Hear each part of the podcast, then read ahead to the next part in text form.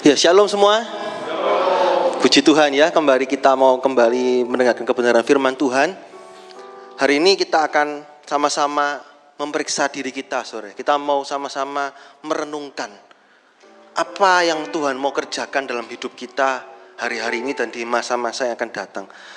Karena kalau kita tidak mengerti maksud Tuhan, saudara terutama di dalam dunia pekerjaan, kita akan tidak punya arah, saudara. Kita bingung. Atau kita akan bekerja asal mengalir saja. Pokoknya saya kerja, dapat uang, selesai begitu. Dan tidak ada tujuan yang dicapai. Dan sore hari ini saudara, kita akan belajar tentang bagaimana mencapai kepuasan dan bagaimana mencapai target-target di dalam karir kita saudara ya. Nah kita mau baca dulu ayatnya di dalam Amsal 16 ayat yang ketiga kalau Kolose 3 ayat 23 sudah sering di uh, baca saudara ya. Tapi Amsal 16 ayat 3 saya akan bacakan. Serahkanlah perbuatanmu kepada Tuhan, maka terlaksanalah segala rencanamu. Di dalam bahasa Inggrisnya ini kalimatnya menarik, saudara.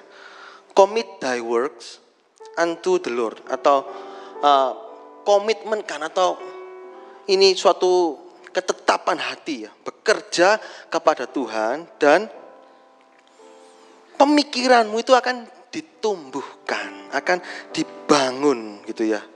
Rencana kita akan dibangun. Nah, ini Saudara. Kembali ke slide yang di sebelah kanan saya Saudara ya. Kita harus tahu slide berikutnya. Nah, ini.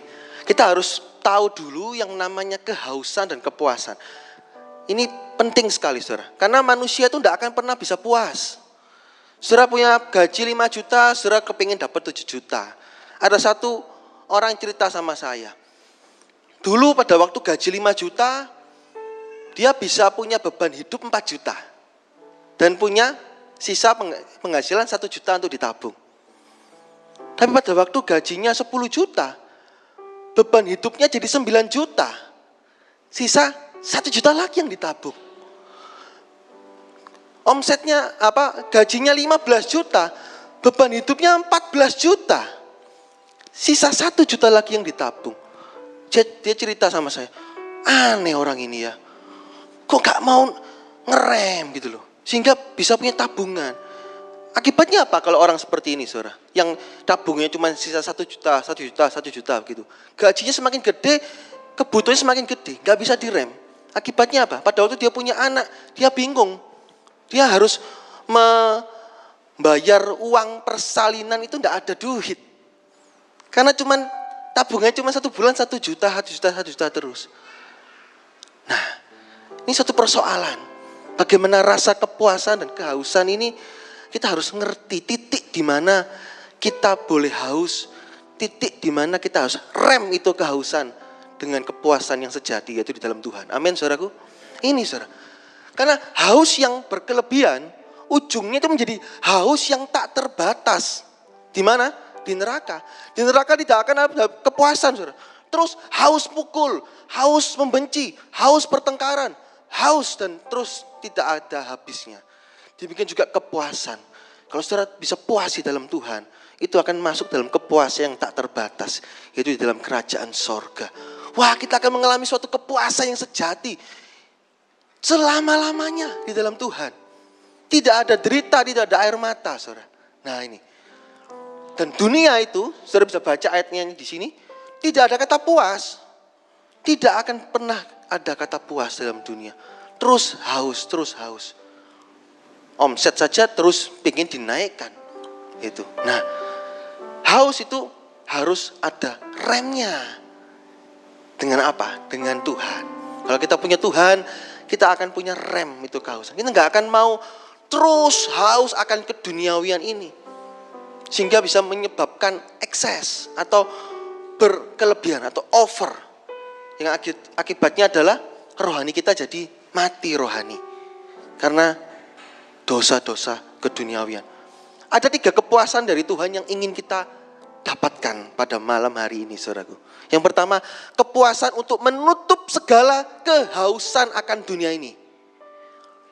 Semua, uang, kekayaan, kedudukan. Kalau kita punya Tuhan Yesus, kita nggak akan pernah mau haus akan mereka-mereka ini, saudara. Melainkan kita puas akan Tuhan. Yang kedua, kehausan yang bertahap atau kepuasan yang terus meningkat. Dengan cara apa? Seperti uh, sungai di kitab Yeskiel itu maju itu sungainya sedalam mata kaki.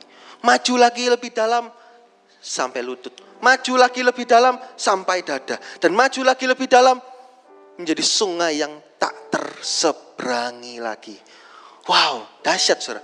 Kalau saudara mendekat terus kepada Tuhan, itu saudara nggak akan pernah bisa berhenti loh.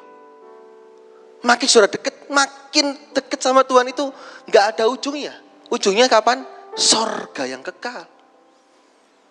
Dan kepuasan yang tertinggi itulah kepuasan saat kita mencapai dalam kerajaan sorga. Ini yang mau saya bagi sedikit, saudara. Saya mau singgung sedikit tentang kepuasan dan kehausan. Karena ini penting. Anak-anak muda melihat Instagram, melihat YouTube, melihat yang lain-lain. Uh, kok gampang men ya dapat uang. Ini kerjanya apa? Kok tiap hari bisa bermewah-mewah? Akhirnya kepengin. Akhirnya pada waktu mengejar itu salah jalan jatuh. Nanti saya akan cerita. Ada beberapa pertanyaan yang mau saya berikan di sini. Apakah orang Kristen boleh berambisi? Itu pertanyaan yang akan kita jawab pada malam hari ini, saudara. Apakah orang Kristen boleh berambisi? Ya, next. Nah, sukses dalam dunia. Boleh enggak jadi sukses itu? Sangat boleh. Bahkan Firman Tuhan dalam Filipi mengatakan kita akan jadi bintang-bintang dalam dunia ini. Dunia akan melihat, lo ini lo Kristen. Diberkati Tuhan. Kristen yang menjadi tolok ukur kebenaran yang sejati di dalam kantor. Di dalam pekerjaan kita. Ini saudaraku. Boleh nggak sukses? Boleh. Tapi sukses seperti apa? Sukses seperti apa yang ingin kita dapatkan, saudaraku? Itu yang harus menjadi perenungan kita pada sore hari ini. Sukses ingin menjadi konglomerat? Nanti saya akan jawab, boleh enggak kita jadi konglomerat? Punya uang yang banyak banget. Nah, nanti kita akan jawab, saudaraku ya. Slide selanjutnya, saudara. Ini kita akan lebih banyak masuk dalam slide ini saudaraku. Ini adalah slide keseluruhan firman Tuhan pada hari ini saudaraku ya. Untuk kita bisa menjawab tentang kesuksesan, kita harus taruh dulu kesuksesan di dalam diagram ini. Yaitu di dalam kepuasan yang sejati. Kalau saudara taruh kesuksesan itu tidak ada remnya kepuasan sejati, wah, saudara akan mengalami berbagai-bagai duka. Itu di dalam 1 Timotius 6 ayat yang ke-10. Kejar terus, kejar terus. Saya jawab saudaraku, apakah orang Kristen boleh berambisi? Boleh. Selama ambisinya yang positif. Ada target-target, nanti kita akan lihat dari poin target saudaraku. Tapi, ini tapi saudara. Orang yang semakin dekat dengan Tuhan, ambisinya ini akan semakin hari akan semakin banyak remnya. Percaya nggak percaya saudaraku? Saya punya teman, kita sama-sama bekerja saudaraku. Dia habis dari Jakarta, dia cerita pun saya, dia sudah percaya Tuhan Yesus, sudah Kristen, puji Tuhan oleh anugerah Tuhan dia jadi, dia jadi Kristen. Pada waktu sebelum jadi Kristen, wah ambisinya luar biasa. Saya sendiri pun juga ya harus ngikut saudaraku cepet kecepatannya harus sama. Kalau enggak kan enggak enak gitu loh. Tapi pada waktu jadi Kristen, dia pulang dari Jakarta dia telepon ke saya malam-malam. Ren, Nulis ya, kita nggak perlu terlalu nemen-nemen ya, nggak perlu terlalu nemen-nemen lah dalam pekerjaan. Lu kenapa? Ini impor capek nemui ini itu ini itu dan kalau nemui ini itu ini itu pasti ada sesuatunya. Ya. Kalau dimasukkan YouTube mungkin bisa ditit ini ya. ya, pasti ada hal-hal yang aneh-aneh. Wis ya usah ya mending kita main biasa, ngambil pabrik lokal. Ya kalau memang kita jalan impornya disetujui berapa ton, kita jalankan yang ada. Terus Tuhan pasti akan memberkati dalam jalur yang lain. Loh berarti gak jadi konglomerat dong. Nah kayak apa jadi konglomerat itu? Sing penting cukup, sing penting bisa nafkahi karyawan semua. Sing penting ini kita ada pertumbuhan. Target kita saat ini bukan ke arah situ lagi. Kita ambil jalur yang lain yang lebih positif, yang lebih netral. Padahal dulu lain. Lihat, ambisinya turun. Dan dia cerita, aku jadi Kristen nih kok ambisiku jadi turun ya. Loh memang, saya bilang gitu. Karena Tuhan itu akan ngerem kamu kalau ambisimu itu sudah melanggar batas kebenaran firman Tuhan. Tapi kalau masih dalam jalur-jalur kebenaran firman Tuhan, silakan. Buka toko, buka retail shop, buka macam-macam, terserah. Tapi pada waktu pembukaan itu dilakukan dengan cara-cara yang tidak berkenan kepada Tuhan, Tuhan pasti larang. Tuhan pasti akan rem itu. Dan orang-orang yang cinta Tuhan itu ada kepekaan. Mau jalan, lo ini batas. Batas. Batas lagi, batas lagi. Ya, mau jadi konglomerat. Jangan mikir lagi sudah. Yang mikir itu menyenangkan hati Tuhan dalam pekerjaan. Ya, ini kepuasan yang sejati harus masuk di sini. Poin yang pertama yang kita bahas, hati kita.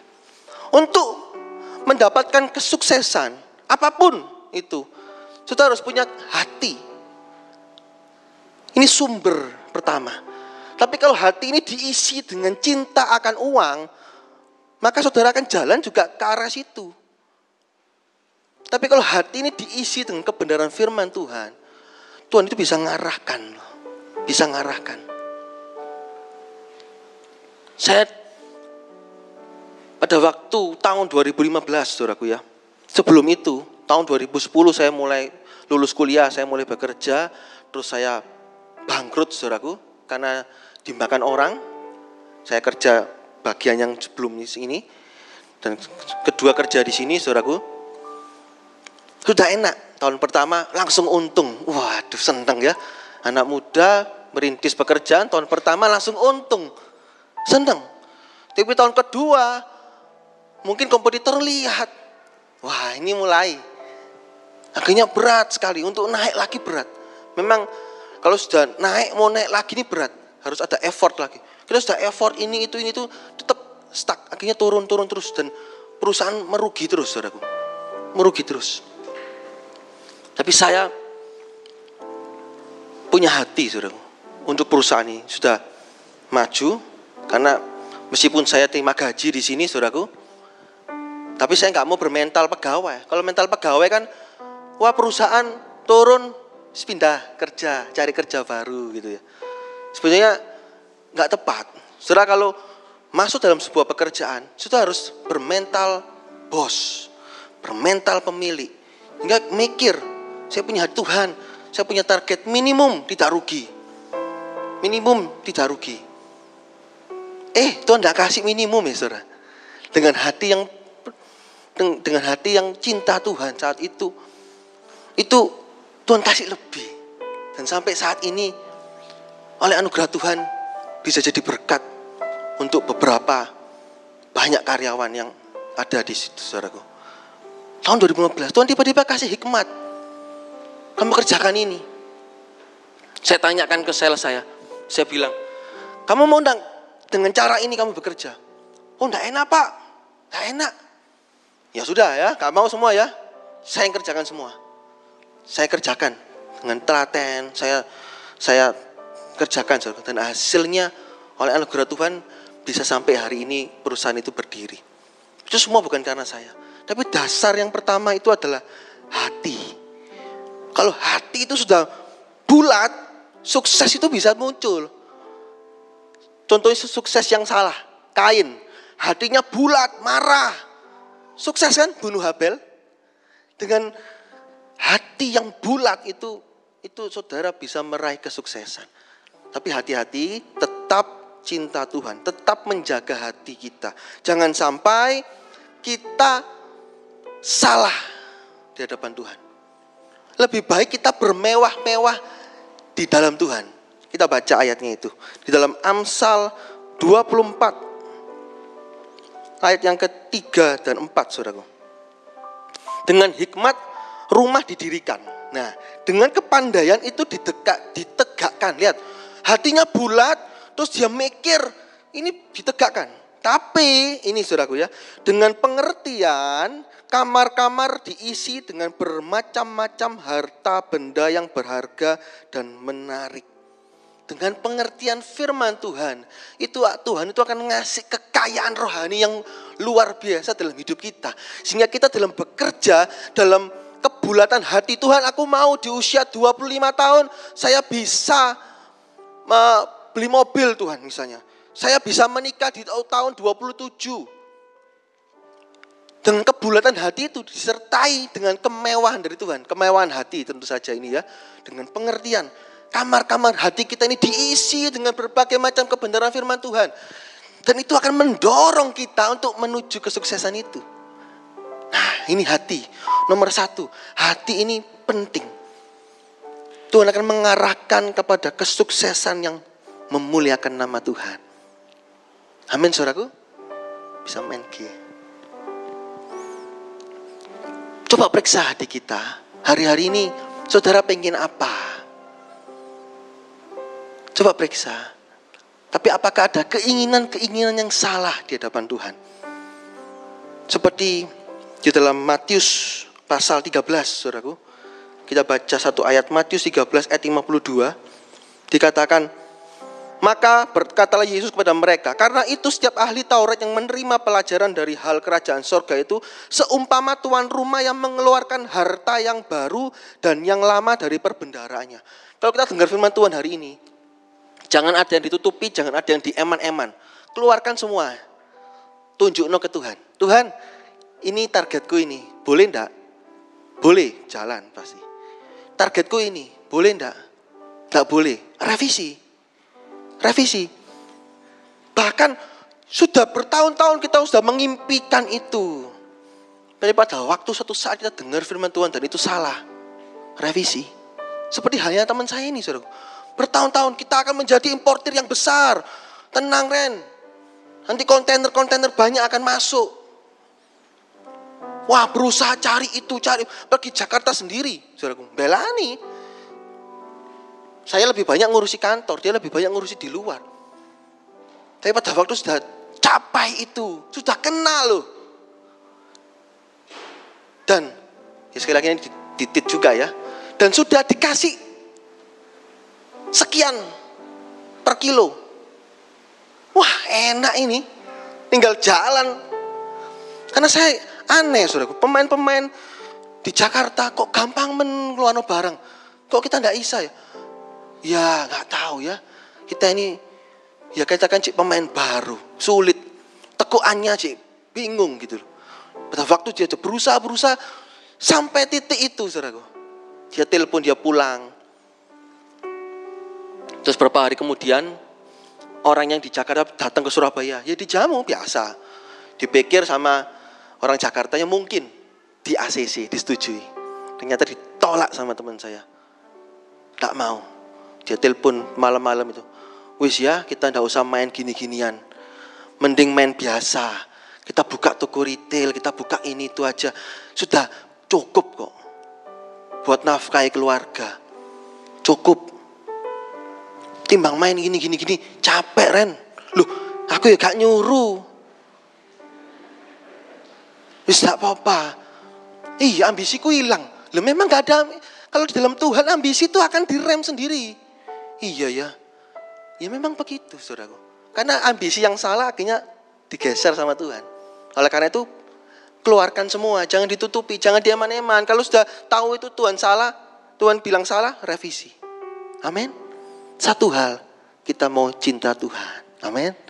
Satu hal yang selalu ku rindu menghadiratmu. Amin, saudaraku. Mari nyanyikan lagu ini ya. Satu hal yang jadi hasratku. Apa? Men Wah ini berarti zaman kuno semua, tahu lagu ini. Yesus kau tambahanku, ku sujud menunggu. Curahkan Tuhan. Curahkan hurapanmu saat ku se Amin Tuhan. Mari dari awal katakan satu hal. Satu hal yang jadi ku rindu. Kehadiratmu. Satu hal yang jadi hasratku menyenangkanmu Yesus Yesus Tuhan Yesus kau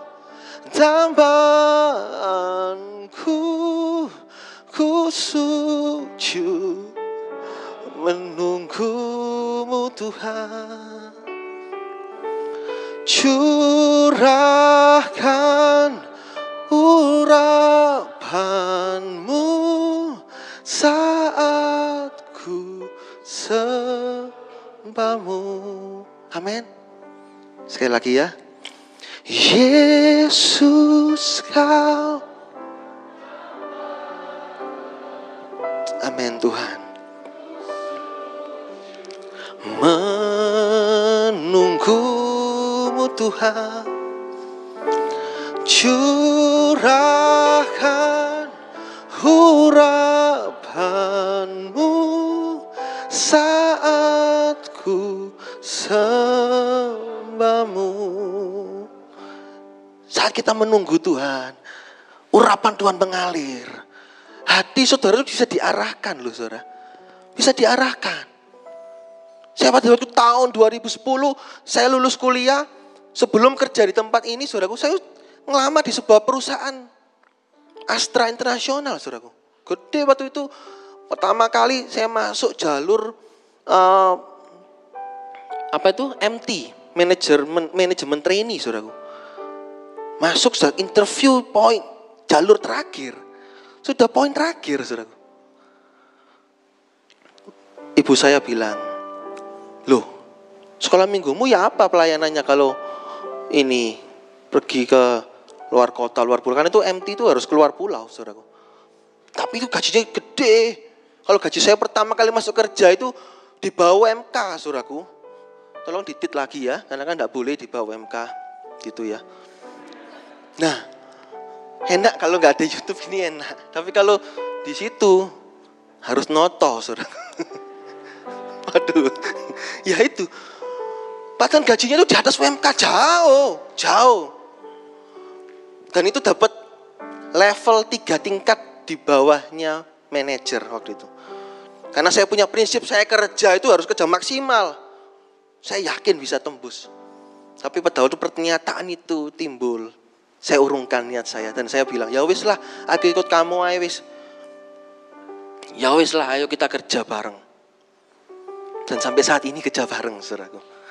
Nah, hati saya berubah, direvisi. Padahal kepengen, ambisi saya waktu itu kepengen punya kedudukan yang tinggi, gaji besar. Karena saya punya sepupu, saya punya pacar. Jadi uh, pemimpin cabang di bank. Wah gajinya katanya 70 juta gitu ya. Saya dengar itu. Besar. Saya nggak tahu benar atau tidak. Tapi katanya ya benar gitu. Karena gaji bank-bank internasional segitu. Tapi saya rubah. Dan oleh anugerah Tuhan sampai sekarang bisa makan. Gitu. Bisa nikah. Cik kamu agak munduran titik. Manisnya kelewatan soalnya. Loh, kalau sudah punya pak, sudah nikah kan enak, saudara ya. Kita bisa, bisa, bisa seperti ini. Kayak hari ini anggota PS saya sudah tingcing, bisa gitu kayak gitu-gitu. Tapi yang laki katanya agak kaku ya, enggak tahu sih. ya, yang kedua saudaraku ya. Ini ya, oh ya ini ya. Jangan takut bermimpi. Kita baca ayat ini, menarik. Satu saya baca, apa dapat ayat ini menarik saudaraku. Mazmur 21 ayat yang ketiga. Apa yang menjadi keinginan hatinya telah kau karuniakan kepadanya. Dan permintaan bibirnya tidak kau tolak. Siapa yang di sini pengen digenapi ayat ini? Angkat tangannya dong. Siapa yang pengen digenapi? Wah, tapi keinginan hati yang kayak gimana? Kalau keinginan hati yang berdosa sampai kapan pun Tuhan tidak akan genapi itu. Tapi kalau keinginan hati saudara itu benar, Tuhan akan genapkan itu saudaraku. Tuhan akan genapkan. Yang kedua, target saudaraku ya. Setelah hati kita sudah diisi, next, ini ya, target ini ya. Ini kita harus tentukan target. Kayak dulu saya semester 5 saya harus punya pasangan gitu ya. Tapi ternyata agak jadi. Terus umur 25 paling enggak saya punya pasangan. Ternyata enggak jadi. Tapi saya punya iman satu hal. Kata-kata iman saya, tahun depan pasti punya pacar. Dan terlalu teman saya, kapan punya pacar kok? Tahun depan. Kapan punya pacar? Tahun depannya, saya bilang tahun depan lagi. Kapan punya pacar? Saya bilang lagi tahun depan lagi. Dan terbukti apa yang saya ucapkan itu digenapi. Tahun depannya saya punya pasangan. Tahun 2015. Ucapkan itu. Saudara kalau masih belum punya pasangan, saudara ingin punya pasangan, bilang tahun depan. Tahun, kalau, saudara takut tahun depan, bilang bulan depan. Bulan depan gagal, bulan depan lagi. Terus sampai bulan depan itu digenapi. Itu kata-kata iman, saudara. Nah, tapi punya target. Saya ini target-target dan Tuhan genapkan, saudaraku. Nah, target ini jangan sampai kecampuran dosa. Jangan sampai kecampuran dosa. Saya punya target omset 200 miliar misalnya. Atau omset 10 miliar gitu dalam satu tahun. Jangan kecampuran dosa dalam pelaksanaannya.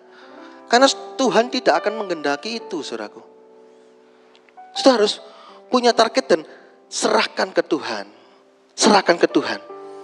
Lebih celakanya lagi, saudara sudah pengen punya target ini itu nanti saya pengen punya mobil, saya mau cicil mobil, gaji saya nanti naik sekian, saya bisa cicil mobil ini, ini, ini, ini, ini.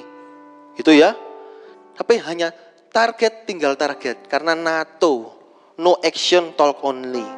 Tahu NATO? Kita baca ayatnya di dalam Amsal pasal Amsal pasal 26 Saudaraku ya. Kalau saudara sudah punya target harus berusaha. Jangan bilang Berkatalah si pemalas, Amsal 26 ayat 13. Ada singa di jalan, ada singa di lorong. Cuman ngomong tok. Eh ini loh bagus, ini loh bagus. Tapi tidak mau bergerak. Ada singa loh di lorong ini, ada singa.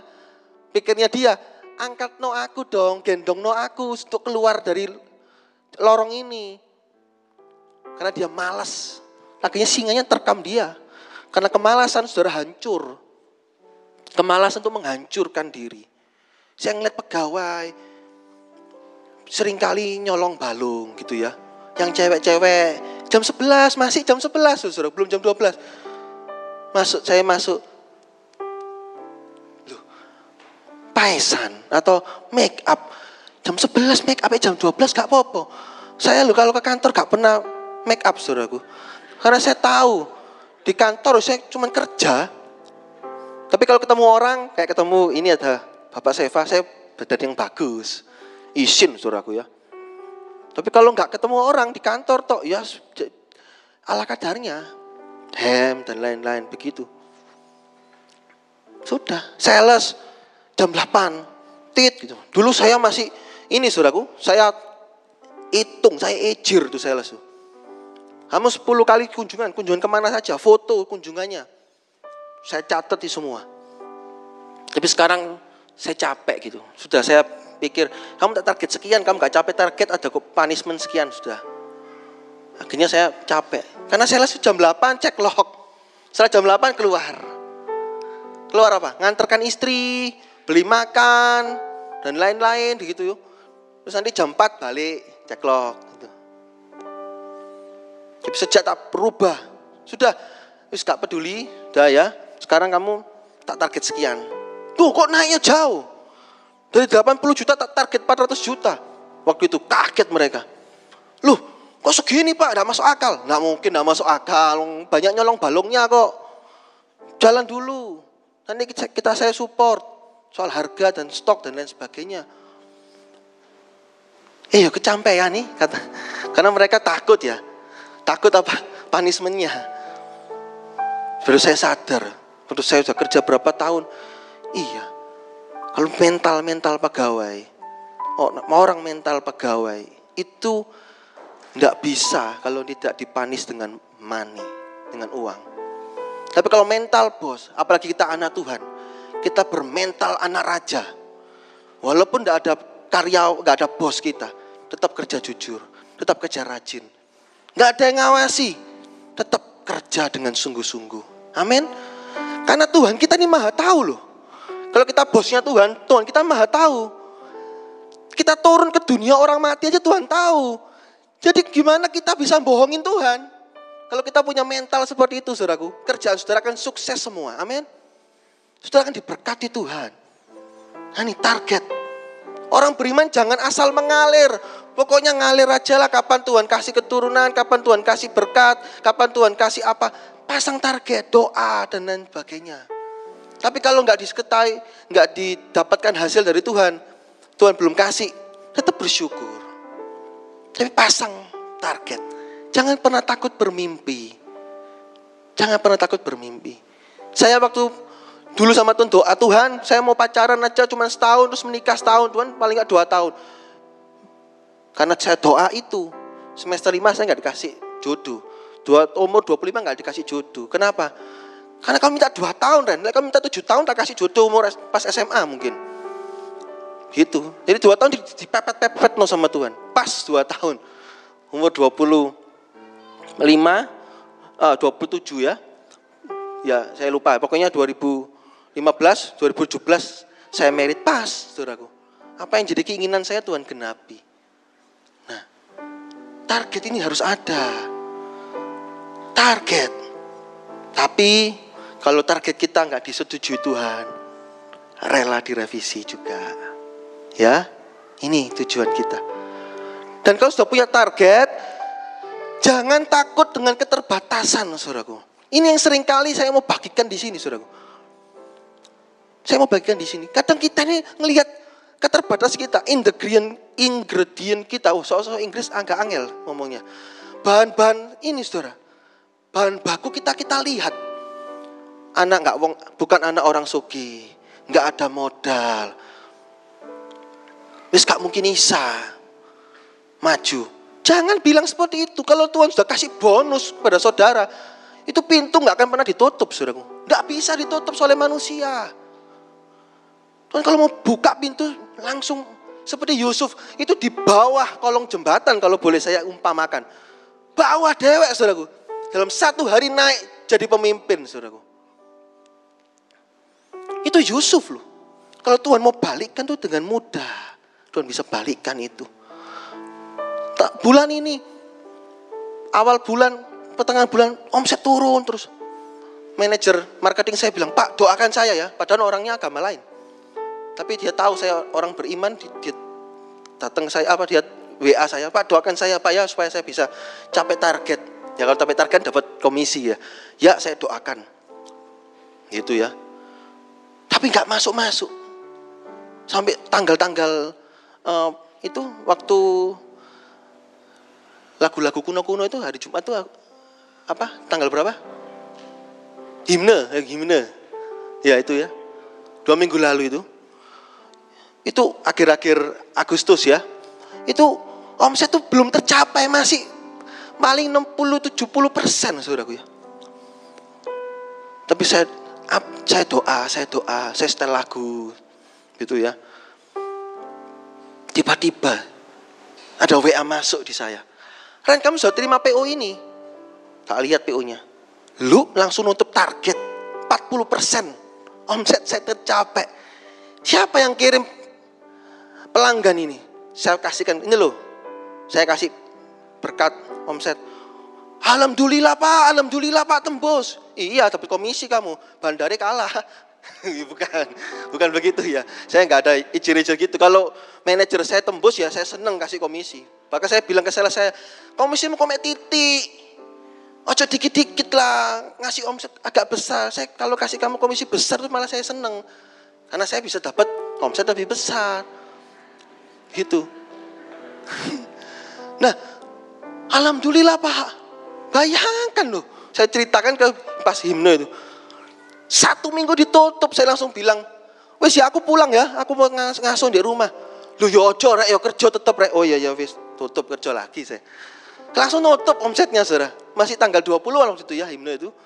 Terus selisih berapa hari. Bahkan bukan tutup saudaraku.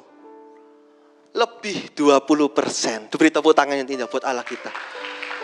Itu Tuhan kalau sudah balikkan, balikkan itu dahsyat.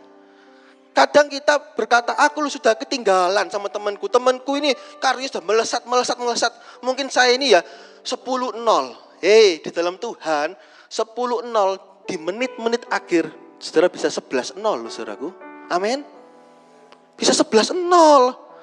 Karena Allah kita dahsyat. Dia sang pemenang. Kalau kita ngikut sang raja pemenang ini saudaraku, kita akan tampil jadi lebih dari pemenang. Amin. Itu Allah kita dahsyat saudaraku. Jangan karena keterbatasan kita, saudara nggak bisa bermimpi. Jangan. Tetaplah punya mimpi itu, tetaplah punya target dan serahkan ke Tuhan. Yang penting tetap menyenangkan Tuhan.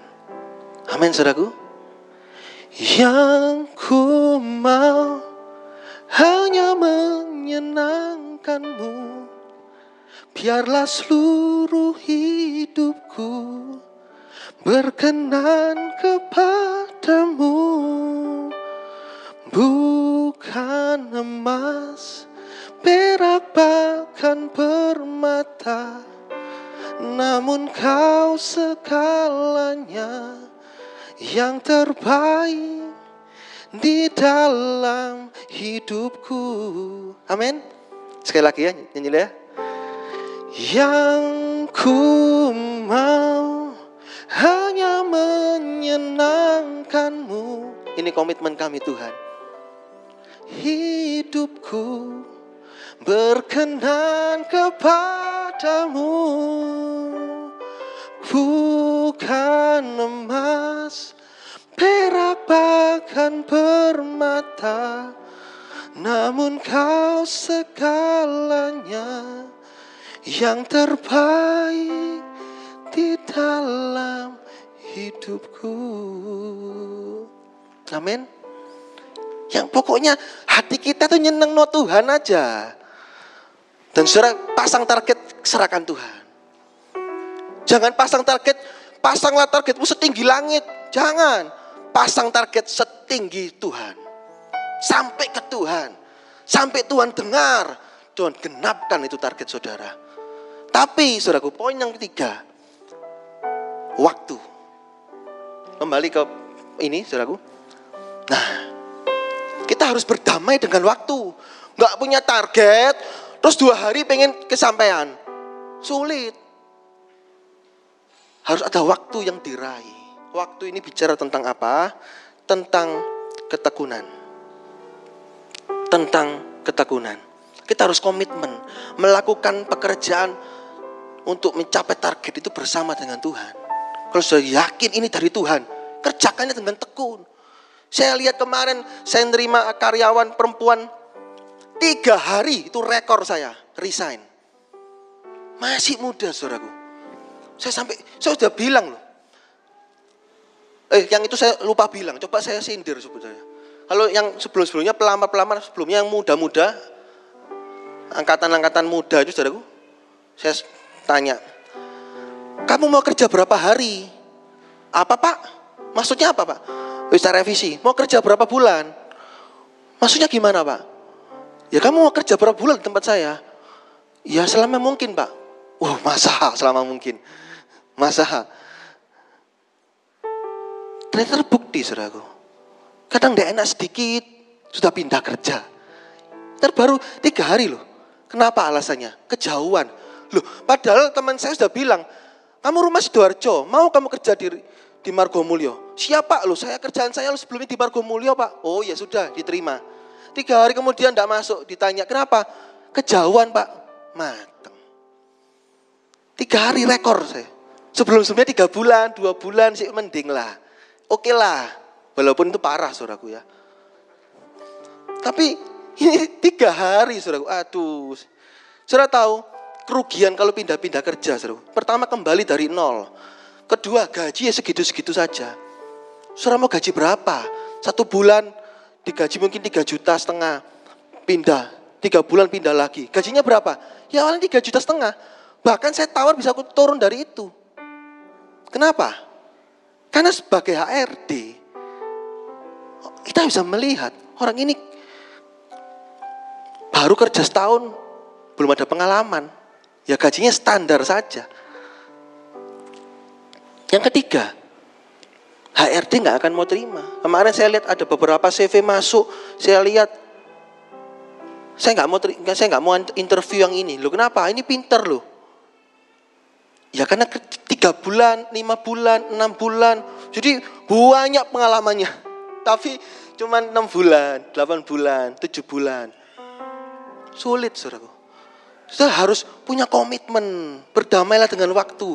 Saudara kalau kita jadi admin saja yang nggak kelihatan, saudara. Admin yang tidak kelihatan. Tapi kalau saudara di dalam Tuhan, Tuhan itu bisa memunculkan sinar saudara. Dan saudara akan diangkat Tuhan pada waktunya. Nggak usah khawatir, saudara. Nggak usah khawatir. Bagaimana saya ketemu sama teman saya, saudara? Gara-gara saya nggak lulus skripsi, saudaraku. Saya ini skripsi pengen magang di sebuah perusahaan minyak. Anaknya masuk mungkin ya. Oh, nggak ada, nggak tahu, nggak kelihatan di sini.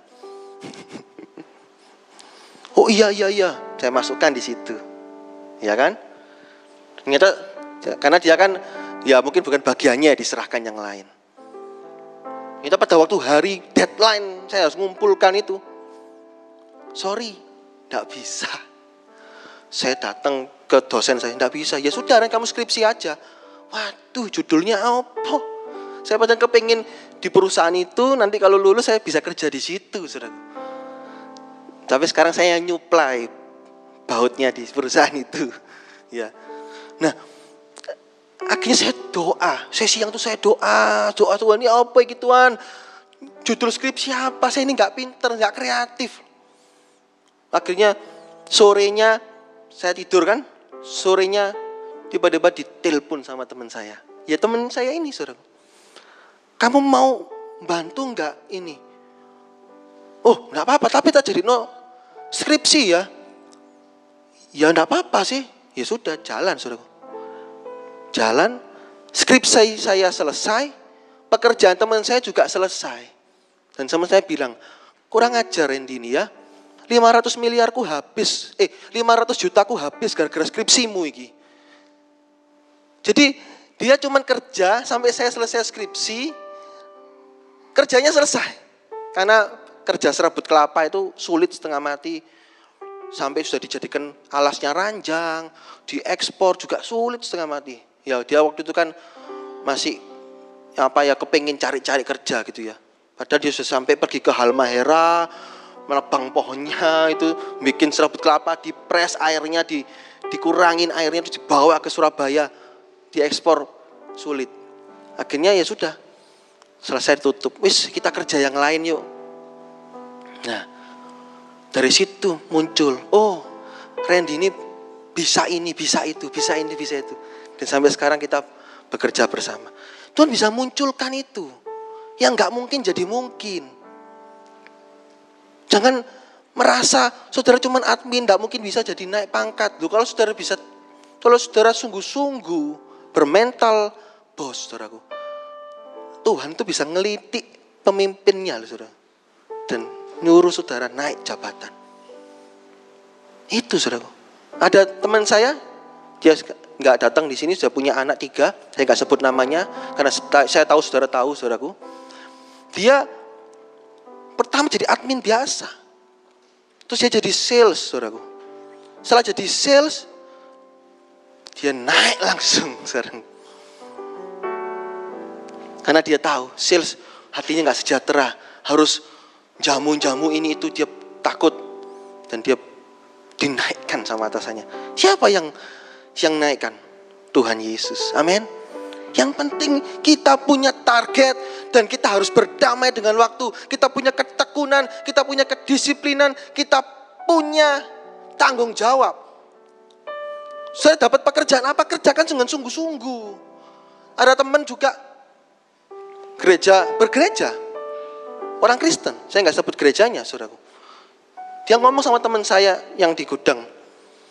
Kamu ngapain sih jam 5 kok pulang? Eh apa kok kok masih kerja? Pulang aja. Ngapa kamu kerja soro-soro itu? Gaji ini podo.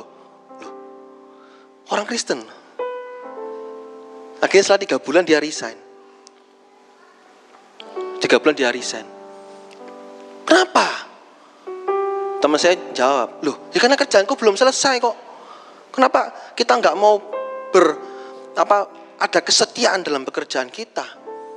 Kan kita kerja seperti untuk Tuhan, tapi dia nggak mau dengar itu dan dia memilih resign. Kadang kalau jamnya molor sedikit, sudah kita wis tinggal aja, ditunda besoknya. Akhirnya gulung terus. Saya nggak ngajarin saudara untuk lembur, saudara. Tapi saudara tanggung jawab itu penting. Saya katakan ke pegawai saya, ke teman rekan saya, saudara. Kalau kamu kerja lembur dia sampai malam-malam, periksa diri. Apakah kamu kerjanya yang salah? Sehingga kamu tuh tidak bisa selesai tepat waktu. Tapi kalau kerjaanmu overload, cerita ke saya, kerjaanmu apa saja. Kalau memang betul overload, saya akan tambah orang di timnya kamu. Dan dia gak bisa jawab. Karena saya tahu kerjanya masih santai gitu. Santai. Ayo kita mau punya kedisiplinan, tanggung jawab. Waktu itu identik dengan ketekunan. Tidak ada pekerjaan yang berhasil tanpa ketekunan, saudara. Dalam kejadian 3.17 bisa diceritakan bahwa terkutuklah tanah sehingga kamu harus dengan berpeluh untuk mengusahakan tanah itu. Saya kasih tahu rahasianya, saudara. Kalau saudari dalam Tuhan, tanah saudara itu tidak terkutuk loh. Tapi tanah saudara itu adalah good soil. Tanah yang baik. Itu Matius 13 ayat yang ke uh, berapa? 23 ya mungkin. Good soil.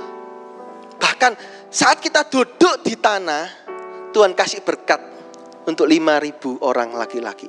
Cuman duduk, tidak berpeluh. Apa rahasianya di sini?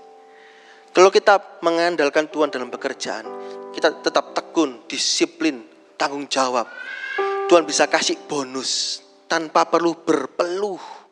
Sampai harus kerja itu sampai larut malam, nambah lagi jam pekerjaan.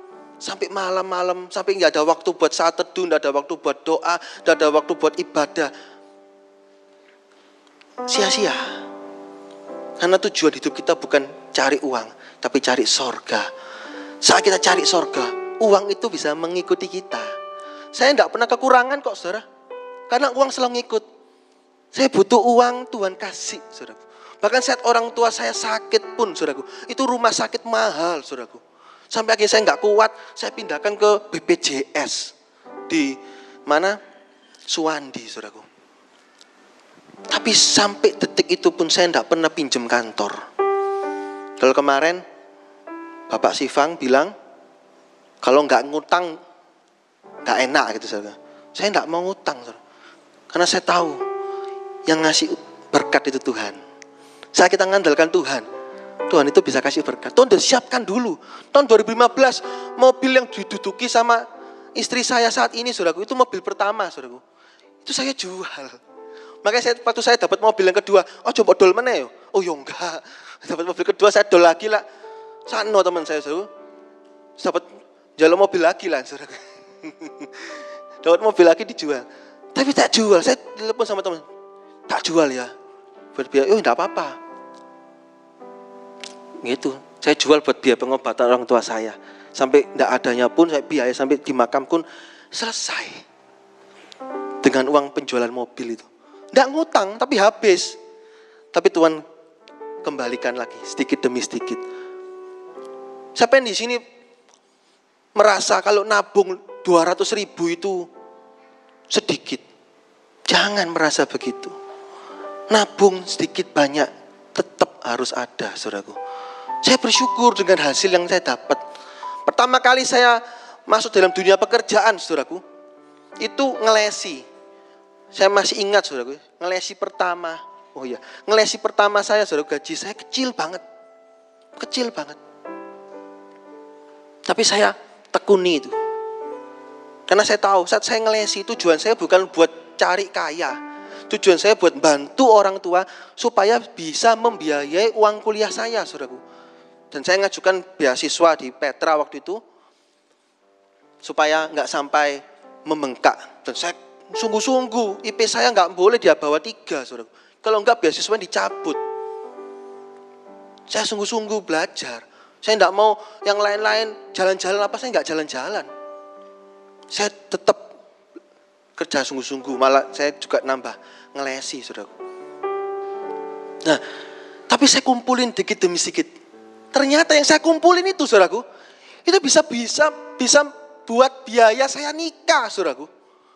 Tak pecahkan celengannya tuh, lu bisa punya. Karena saya berapa bukan celengan sih, itu kan bank ya. Itu apa di rekening saya itu kan saya ini kan biaya ini kan ini kan dibagi kan gitu.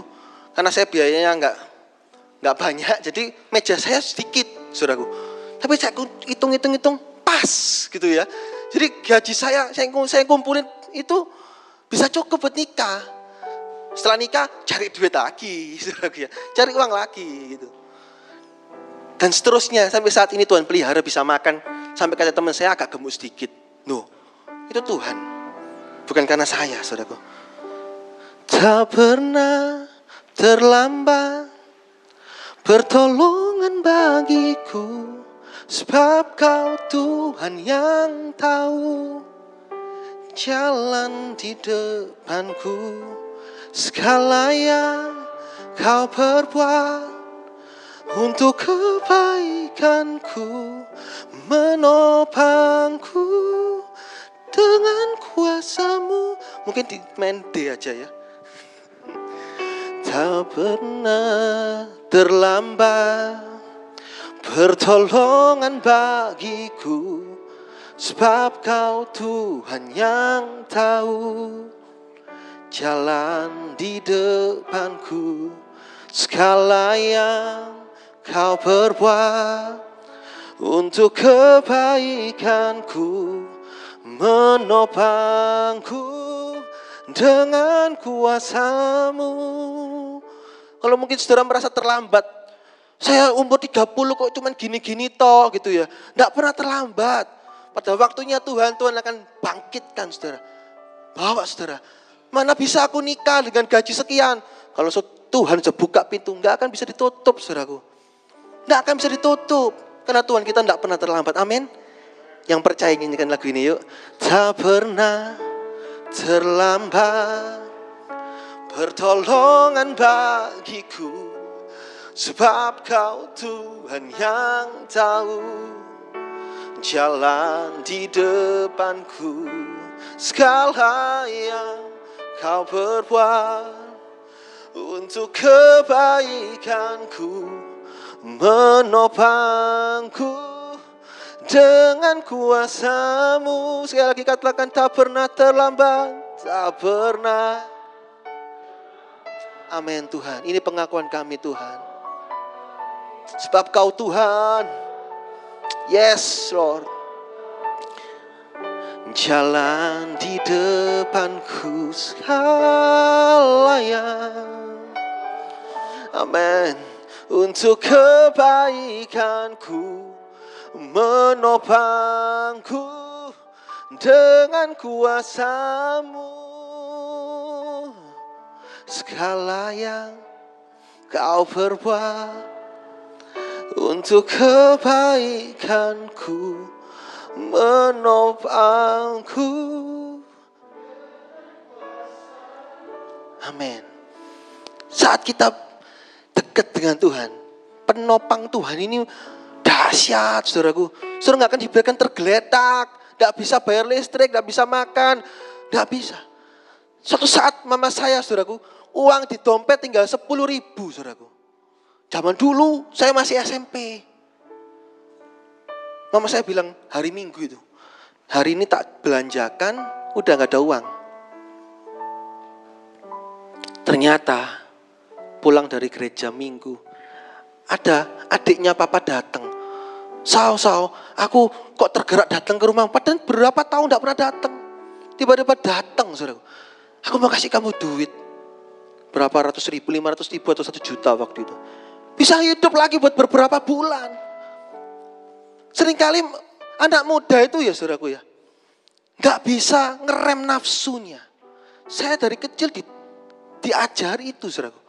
Pada waktu saya masih ingat kecil, saya duduk di meja, ada bunyi tenenet, tenenet, tenenet. Bu, terakhirnya agak fals. Tahu itu apa saudaraku? Apa? Oh sudah agak tua. Es krim walls. Pas bunyi semakin keras. Ayo panggil nak, panggil nak, panggil nak. Saya ngempet suruh karena uang terbatas. Kota panggil Eman suruh. Es krim situ waktu itu berapa ribu. Sampai suara semakin menjauh tak panggil. Es krim walls. Gak datang. Oh berarti bukan jodoh saya. Yo iya Ren, wong ado. Yo iya memang. Kan saya sengaja. Jadi supaya saya nggak salah. Pas jauh tak panggil es krim. Gak kerungu saya di dalam rumah. Dia agak jauh. Tapi di situ saya belajar tentang bagaimana menikmati menunda kenikmatan. Ini penting. Ada duit dihabiskan, ada duit dihabiskan. Ada teman orang punya, wah waktu itu gajinya gede saudaraku. Usaha mebel di satu kota. Gajinya gede, dia kerja ikut orang, mebel, wah enak. Saya telepon, Ke mana? Jalan-jalan sama anak-anak, sama keluarga. Oh, sama keluarga, sama anak-anak. Wah, rasanya baik gitu ya. Tapi kok jalan-jalan terus, saudaraku. Sampai suatu titik mebelnya itu bangkrut. Kenapa? Gak, gak tahu bangkrutnya kenapa. Tahun 2020 terakhir ini loh. Pandemi. Apa yang terjadi saat bangkrut? Nggak ada uang sama sekali. Butuh duit buat bayar uang sekolah anak Ya gimana? Padahal kita diajari nabung. Saya ingat satu hal. Enam kali kebutuhan saudara itu harus ada di dalam rekening saudara. Saudara hitung kebutuhan saudara satu bulan. Misalnya 3 juta, ya sudah. Kalikan 6. 3 kali 6 berapa? 18 juta. Itu minimum ada di rekening saudara. Kalau nggak ada di rekening saudara, misalnya rekening saudara cuma ada 15 juta, jangan ngelencer. Saya katakan tegas. Jangan beli HP baru. Jangan coba-coba untuk jalan-jalan. Makan-makan di luar. Jangan. Ini tegas saya saudara. Tapi pada waktu sudah 18 juta. Sudah 20 juta. Ya 2 juta saudara mau belanjakan ini itu boleh. Kenapa? Harus ada dana darurat. Di sini siapa yang agen asuransi? Mohon maaf mungkin kita berbeda pendapat. Saya pada waktu masih muda, saudaraku ya. Jadi tawar asuransi terus. Ayo Ren, masih muda, asuransi murah, gini, gini, gini, gini. Saya katakan, tidak. Karena gaji saya nggak cukup. Daripada ambil asuransi, saya periksa diri saya, Tuhan, ojo dikai loro ya Tuhan. Saya, itu benar, saya jangan tertawa. Itu saya doa seperti itu, saudaraku. Bahkan pas potong rambut, saudaraku. Pas potong rambut, saya cari yang 3000 ribu. Tapi saya doa waktu itu. Itu benar. Saya ini bukan saya ngada-ngada. Saya doa. Tuhan, walaupun 3000 ribu, tapi rambut saya bisa bagus. Loh, benar saudaraku. Dan pada waktu saya pergi ke kaum muda pelajar, waktu saya naik, satu perempuan, Clara waktu itu saudara. Ren rambutmu kok api Ren? Batin saya telung ewu api Ren. Iku tiga ribu, potong dek peloso. Lek potong sak jam saudara, karena banyak ngoceh, sekarang meninggal. itu itu Stephen tahu itu. Sekarang meninggal saudaraku. Karena apa? Karena ya murah telung ewu. Satu hari ku ya 20 orang ngantri. Saya tuh duduk ngantri saudaraku. Tapi ya dia gak ngerti waktu itu uang. Ngoceh, ngomong, ngomong ekonomi, ngomong apa. Akhirnya dapat piro. Saya sampai setengah sepuluh malam tuh ngantri belan tiga ribu. Sekarang lumayan diajari Stanley potong rambut ini lumayan gitu saudaraku ya. Belajar untuk menikmati menundakan nikmatan karena kita nggak tahu akan hari esok. Tapi waktu itu penting. Waktu itu penting saudaraku. Berdamailah dengan waktu. Dan saudara akan menikmati ujungnya. Pada waktu tahun 2000, 2016, 15. Gaji saya nggak naik dua tahun loh saudaraku. Nggak naik dua tahun. Waduh saya bingung ini ya. Coba nanti mungkin juga ini ditit ya. Kalau pas teman saya dengar nggak enak ya. Curhat nanti. Waduh, saya akhirnya nyari kerja lain, mikir loh. Namanya orang kan mikir boleh kan. Udah lima tahun kerja waktu itu. Teman saya ya Steven ini punya saudara, mamanya bilang, ini lo kerja di sini enak. Coba ngelamar lo, gajinya gede. Ya wes saya datang ke situ saudaraku ya. Datang ke situ ngelamar. Eh nggak dipanggil-panggil saudaraku. Sampai bulan Oktober, saya nggak sebut tanggalnya nanti. Oh itu ulang tahunnya gitu ya, bukan. Pas ulang tahun saya itu dipanggil. Wah ini jalan Tuhan ini, jalan Tuhan. Saya datang, saya interview Sampai sekarang gak dipanggil saudaraku ya. Tapi apakah saya bersungut-sungut? Enggak. Saya cuma berdoa Tuhan, ya sudah kalau Tuhan tidak kehendaki saya pindah, saya tetap sungguh-sungguh kerja. Saya berdamai dengan waktu. Saya tunggu tahun 2017 gaji saya naik dua kali lipat. Saya dikasih mobil saudaraku. Dan plus gaji tambahan untuk biaya nyicil mobilnya saudaraku. Aku kantor gak usah nyicil ya, gajimu tak naik nobat, tambah nyicil itu. Siapa yang ngasih? Tuhan kita, saudara. Karena Tuhan kita tidak pernah terlambat. Saat kita percaya, pasrahkan hidup kita kepada Tuhan. Ada satu ayat yang sangat dahsyat, katakan, saya katakan saudaraku ya. Uh, saya lupa ayatnya saudaraku tapi. di di uh, ada satu ayat Paulus mengatakan seperti ini. Saya memperhitungkan hidup saya itu mati di hadapan Tuhan supaya saya tidak mengharapkan pada diri saya sendiri, tapi saya berharap sama Tuhan. Itu ada ayatnya, saudaraku. Jadi Paulus itu dengan tegas saya sudah menganggap diri saya mati, memperhitungkan diri saya mati. Supaya saya berharap sama Tuhan saja. Amin. Saat kita percaya sama Tuhan, Tuhan akan berikan yang terbaik. Berikan yang terbaik. Tak ku tahu kan hari esok. Namun apa saudara? Langkahku tetap. Yang penting gak miring jalannya. Bukan suryaku harapkan Yang fana itu akan lenyap. Karena surya akan lenyap Oh tiada ku gelis. Siapa yang di sini gelisah akan masa depannya?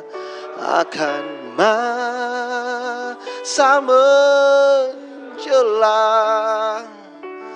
Ku berjalan serta Yesus. Maka hatiku tenang banyak hal banyak hal tak ku pahami. Dalam zaman jelang tapi terang bagiku ini. Tangan Tuhan Tuhan yang pegang. Yang di sini pengen sudah punya keturunan tapi bingung nanti dimakani apa. Tuhan jaminan saudara. Yang saudara mungkin punya keluarga yang ada sakit keluarga saudara. Saudara harus biayai keluarga saudara. Tuhan jaminan saudara. Tidak perlu khawatir. Habiskan uang saudara buat keluarga. Karena Tuhan akan ganti bagi orang yang hormat sama orang tua. Amin saudaraku. Oh dia tak ku gelisah akan masa menjelang ku berjalan serta Yesus. Maka hatiku tenang hatiku tenang banyak hal banyak hal. Tak ku pahami dalam masa menjelang ku terang bagiku ini. Tangan Tuhan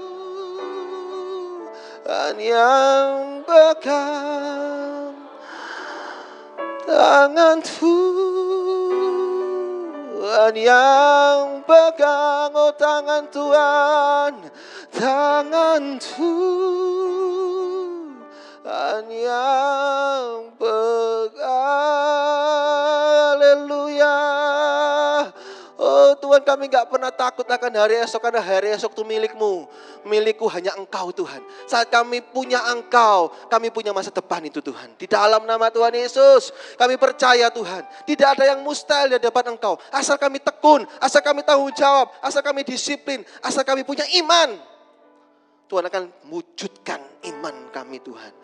Karena kami tahu kepada siapa kami pertaruhkan iman kami. Kepada Yesus sang pemenang. Dan kami akan lebih dari pemenang. Di dalam nama Tuhan Yesus. Amin. Bagian terakhir saudaraku tentang hasil saudara.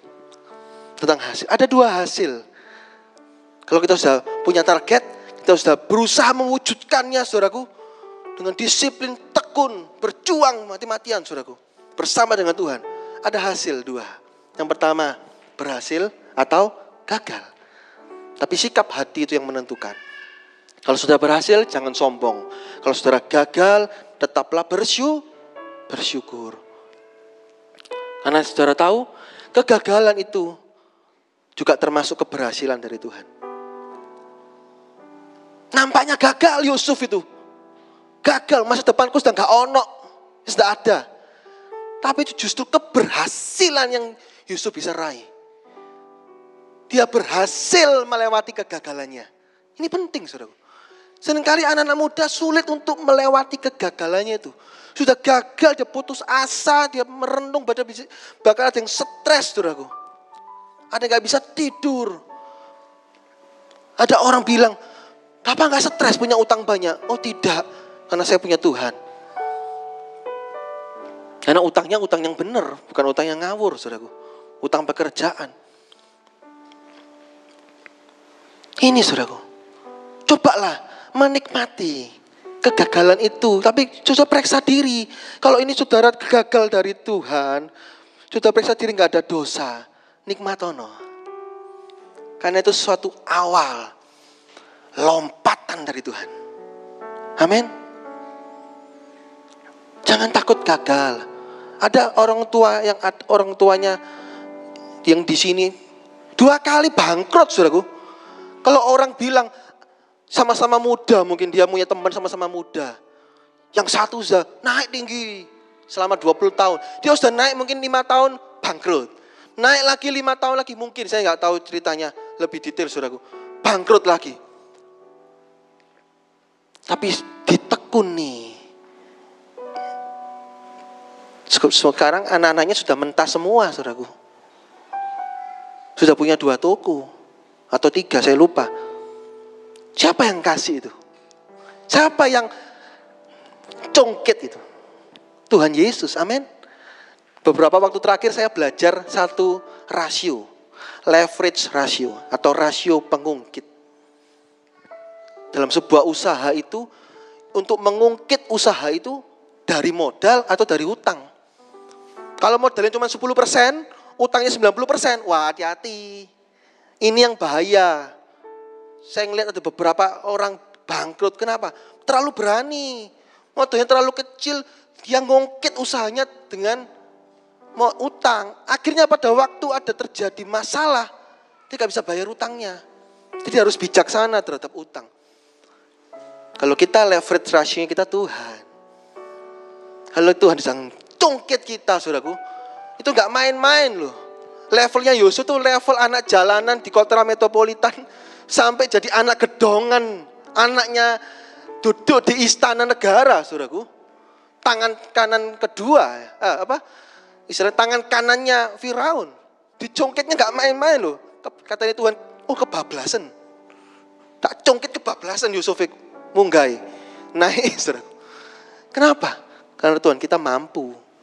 Kalau saudara sungguh-sungguh dalam Tuhan, Tuhan akan munculkan hasil keberhasilan yang luar biasa. Dan saudara akan jadi berkat buat banyak orang, saudaraku. Ini ya, keberhasilan belum tentu dari Tuhan. Tapi apa pun hasil itu, sering-seringlah cek hati kita. Periksa hati kita. Kalau kita nggak ada salah, sungguh-sungguhlah mulai lagi bersama dengan Tuhan. Saya waktu itu kerja mebel juga kasur, bangkrut saudaraku, dimakan orang. Uang saya habis semua. Tuhan malah suruh saya jadi lulusan SAE saudaraku. Ya apa ya Tuhan? Wis gak no gaji, tabungan gak ada, disuruh SAE. Tapi Tuhan kita dahsyat. Tidak pernah saya kekurangan, tidak pernah minta-minta saudaraku. Bahkan lulus SAE, mobil R3 datang, saudaraku ya. Gak ada uang waktu itu. Disuruh SAE, gak ada ngelesi, gak ada penghasilan tambahan. Tapi Tuhan kita dahsyat. Tuhan bisa atur segala sesuatunya indah pada waktunya, saudaraku. Ada satu poin terakhir yang saya nggak bisa ceritakan, saudaraku, ya, tentang kekayaan yang menyakitkan. Ini sudah bisa baca sendiri dalam pokok 5 ayat 12 sampai 13. Ini garis besarnya saudara. Orang kejar kekayaan seperti Salomo itu. Orang itu akan serakah. Orang yang serakah itu akan menyakiti rohaninya. Dalam Amsal 10 ayat yang ke-22. Rohaninya itu akan sakit saudaraku. Bahkan bisa mati rohani. Dan akhirnya karena dia sakit rohani saudaraku. Uang itu yang sudah dikumpulkan itu binasa oleh penderitaan. Saudara bisa baca tuh. Apa binasa oleh penderitaan? Kena sakit. Habis. Saudara gaji 3 juta, saudara bisa nabung 2 juta. Contoh. Tapi saudara gaji 100 juta, tapi kena sakit COVID habis 500 juta. Habis uang saudara. Tuhan bisa kasih sehat. Yang buat uang bocor-bocor ditutup sama Tuhan. Sehingga kita bisa nabung. Ini binasa. Dan juga binasa oleh putranya sendiri. Karena anak wong soge, ya toh, bermewah-mewah judi di Makau, beli mobil uh, mewah-mewah, Ferrari, Lamborghini, wah ikut klub. Akhirnya utangnya 500 miliar, bayar pakai apa? Jatuh.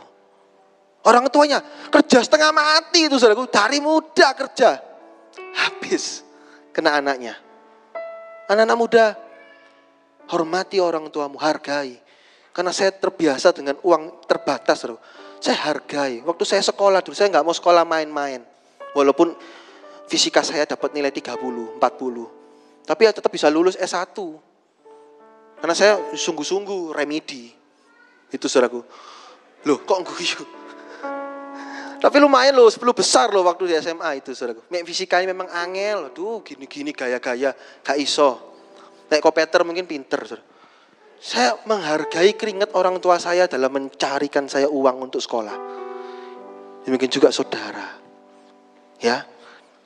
Anaknya gak dapat apa-apa. Karena orang tuanya sakit, anaknya gak dapat apa-apa. Demikian juga digarai anaknya. Anaknya nggak bisa uang orang tuanya. Akhirnya nggak dapat apa-apa. Tanpa warisan rohani, warisan jasmani tidak ada artinya. Saudara kalau sudah punya anak, ingat warisan rohani nomor satu. Warisan jasmani ini Tuhan akan genapi. Tuhan akan tambahkan. Amin. Mari kita mau uh, tundukkan kepala kita saudaraku ya.